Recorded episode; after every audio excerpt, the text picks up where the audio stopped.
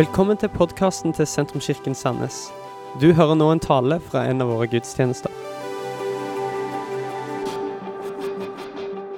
i Norge helt til jordens ende. Gud ønsker å bruke oss. Em, og i dag så Jeg skal ta utgangspunkt i eh, historien om dronning Ester, som vi, vi kan lese om. og Jeg skal ta spesielt utgangspunkt i fra kapittel fire. Kanskje noen av dere kjenner historien, og kanskje det er noen av dere som ikke kjenner den så godt. Eh, fordi at Historien om dronning Ester er egentlig veldig spennende. Og når du, når du leser den historien, så ser du hvordan Gud skaper historie gjennom ei ung jente. Og, og denne historien eh, starter jo med at den persiske kongen han ønsker seg kone. Og, eh, og Det er jo litt eh, interessant, fordi at han, eh, han sender ut noen menn som leter over hele landet etter å finne noen eh, vakre, eh, unge jomfruer som, som han kan gifte seg med. Og det er jo litt sånn, Jeg vet ikke om dere har sett på 'Kjendis søker kjæreste'. Men det er liksom litt sånn da, at det går en og finner og får inn masse mennesker som er interesserte, eller jeg vet ikke om alle var interessert, måtte i hvert fall bli interessert i denne kongen. Og så kommer de framfor eh, for eh, kongen, og kongen han kikker og hvem han syns er den vakreste. Og til slutt så velger han ei jente som heter Ester. Og denne Ester eh, hun bodde hos en mann, hos, hos fosterfaren sin, som het Mordekai.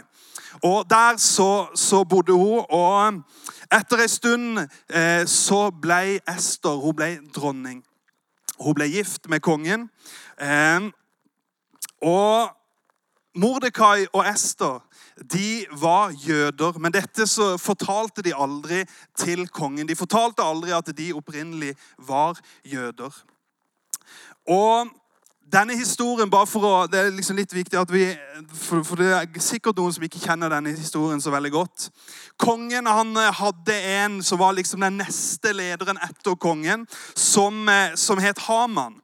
Og eh, han var en veldig sånn stolt, han var en hard, han var en tøff leder. Og, og det var faktisk sånn at når Haman var rundt, så fikk han alle tjenerne, alle mennesker, når de så Haman, så måtte de knele framfor han. De måtte bøye seg ned, de la seg ned og knelte foran han. Og så var det sånn at alle sammen gjorde det, bortsett fra én. Og det var denne stepappaen til dronning Ester, Mordekai.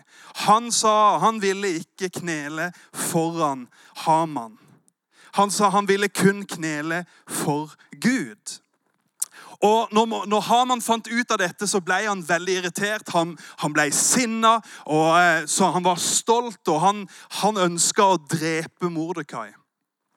Og så fant Haman ut at, etter hvert at at Mordekai han var jøde. Og Han var så irritert at han fant ut at jeg skal ikke bare drepe Mordekai, men jeg ønsker å drepe alle jødene i tillegg. Alle som tilhører den slekta som er jøde, ønsker jeg å drepe. Jeg har et poeng med denne historien. Det kan høres mye drap og mye vold. Men det som skjedde, var at Haman fikk kongen med på å sette en premie på jødene. Altså, de som drepte jøder, de skulle få betalt for å gjøre det. Og det som skjedde, var at Mordekai han fikk høre dette. Han fant ut av dette at Haman hadde fått kongen med på at de skulle få betalt alle disse som drepte jøder. Bare fordi at han ikke ville knele foran den nest største lederen. Bare for at Mordekai ikke ønska å knele seg ned foran han og legge seg ned, men han ønska kun å knele for Gud. Og det som skjer er jo at, og det kan jo høres litt rart ut i vår, vår kontekst, da, men, men Mordekai han ble så bedrøvet, han ble så lei seg, og han ble sikkert ganske sinna også.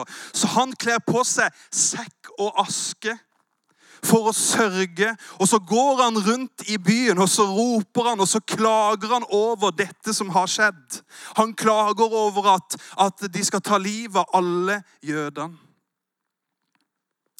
Og så skjer det at eh, Ester får høre om Mordekai, for Mordekai begynner å nærme seg der hun bor.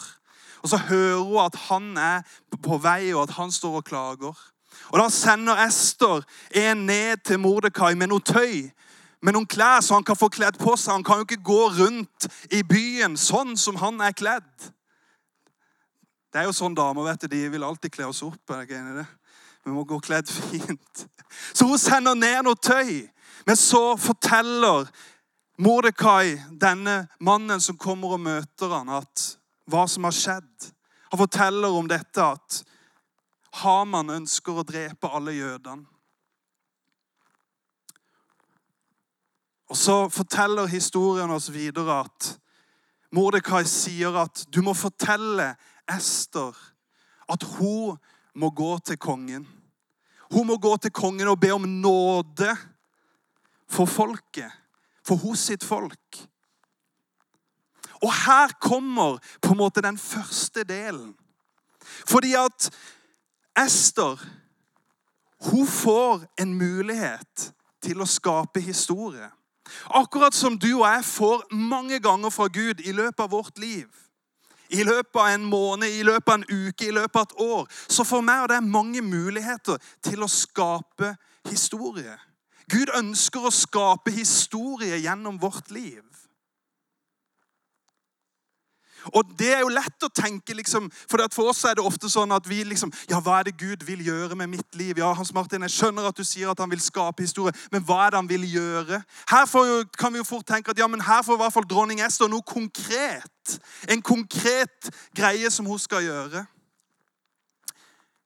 Men hun får en utfordring, en mulighet til å skape historie. Men du vet at når Gud, når vi får en mulighet til å skape historie, så er det alltid en kostnad ved det. Det er alltid en pris.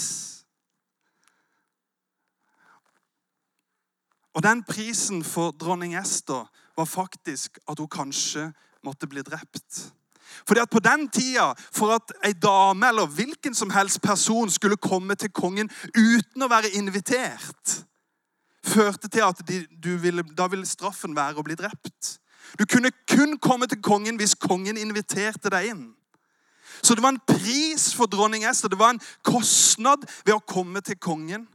Ja da, hun forsto at mest sannsynlig så kanskje, hvis det gikk greit, så kom jødene til å bli spart. Hun kom til å skape historie. Men det vil også være en pris å betale.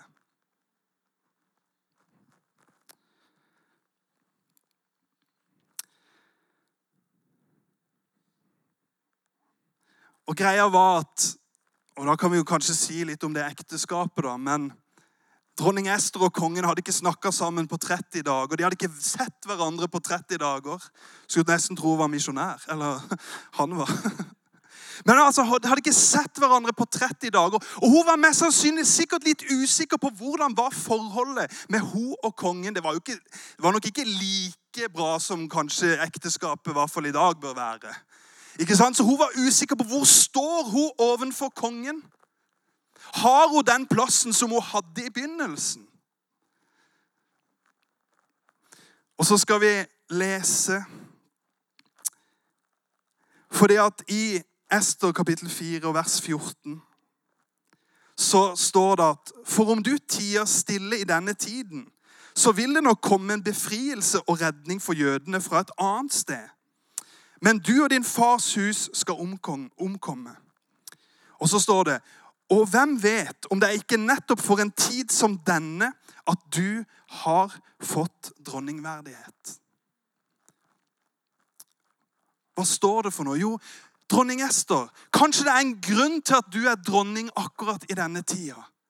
Kanskje det er en tanke med at faktisk, at Gud ønsker å skape historie gjennom ditt liv akkurat den tida som vi lever i nå. Og hva skjedde for noe? Jo, dronning Ester hun velger å gå til kongen. Hun forteller om at hun er jøde. Hun forteller om det som har skjedd, og kongen hører på dronninga. Han sparer jødene. Og Mordekai blir satt i Hamans posisjon, og Haman blir drept. Ester, eller Gud skapte historie gjennom Ester sitt liv. Og du vet at Når du leser Bibelen, så er det enkle menn og kvinner som Gud skaper historie igjennom. Og så tenker jeg kanskje akkurat for en tid som vi lever i nå, så ønsker Gud å skape historie gjennom mitt og ditt liv. Troens bevis er et bilde på en enkel mann som ikke hadde så veldig mye, der de var avhengige av Gud, der Kari og Arild knelte med melkespannet og ba til Gud gi oss mat for i morgen. Det er en pris å betale noen ganger. Men Gud ønsker å skape historie. Jeg skal fortelle dere om en ung gutt som jeg traff i 2012. Han heter Jeremia. I 2012 så var jeg i Ghana, og så traff jeg han. Han var 20 år da. Akkurat fylt 20 år. Han hadde en liten gruppe som han leda med ungdommer. De var en fem, seks, syv 16-åringer som han leda. Og så husker jeg jeg satt meg ned med han, og vi, vi liksom prata sammen. og og Han hadde liksom ikke sånn, han, han hadde ingenting. Og Når han samla denne gjengen, så var det under et tre. Og Så satt vi sammen og vi prata. Så spurte han har du lyst til å holde på med dette med fullt, på fulltid. Har du lyst til å, å bare reise rundt og fortelle mennesker om Jesus? Og Det var litt som at jeg kjente at, i mitt hjerte at Gud ønsker å skape historie gjennom hans liv. Nå er dette syv år siden, og nå skal dere høre noe som er ganske vilt. En 20 år gammel gutt. I 2012 hadde han en gruppe med seks mennesker. I 2019 så har han planta seks kirker med 800 medlemmer. Ikke fordi at han kunne masse ting, men fordi at han hadde et villig hjerte. Fordi at Gud alltid leter etter noen som er villig til å betale den prisen det koster å skape historie gjennom det sitt liv. Han søker alltid etter noen. Men det handler om å være villig. Vi skal se en video nå til slutt om en ung gutt som heter Mubarek. Mubarek hadde aldri hørt om Jesus. Han visste ikke hvem Jesus var. Og Så fikk jeg lov til å komme til hans by, der han bor. En liten by i Burkina Faso. Så fikk jeg lov til å stå opp på en scene og fortelle om Jesus. Og Mubarek han tok imot Jesus på det ene møtet som vi hadde. Men den store utfordringa for Mubarek var at han hadde aldri, han hadde aldri sett. Han var blind fra fødsel. Og så skal dere få lov til å høre om det miraklet som Jesus gjorde i Mubareks liv.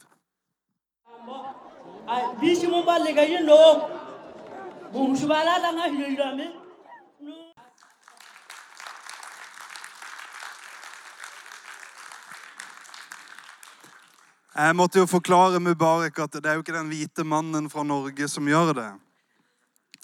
Men så sa han, 'Jeg forstår det, Hans Martin.' Men han sa, 'Hvis ikke du hadde kommet hit, så hadde aldri jeg fått høre om Jesus.' Hvis ikke du hadde bedt for meg, så hadde jeg mest sannsynlig aldri fått se. Og det er faktisk det det handler om. Du vet at hele familien til Mubarek ble frelst. Masse mennesker i landsbyen, hele nabolaget hans sitt, ble frelst. Hvorfor? Jo, fordi at noen var villige til å gå dit. Fordi at noen var villige til å gå dit og fortelle han om Jesus. Og det er det det handler om. Gud ønsker å skape historie gjennom vårt liv. Men vi må være villige. Nå skal Kai komme opp, og så skal dere få lov til å være med og skape historie. Dette var slutten på denne talen. Håper du har blitt inspirert. Om du har lyst til å vite mer om hvem vi er, eller hva vi gjør, eller har lyst til å høre flere podkaster, så kan du besøke vår nettside sentrums.no.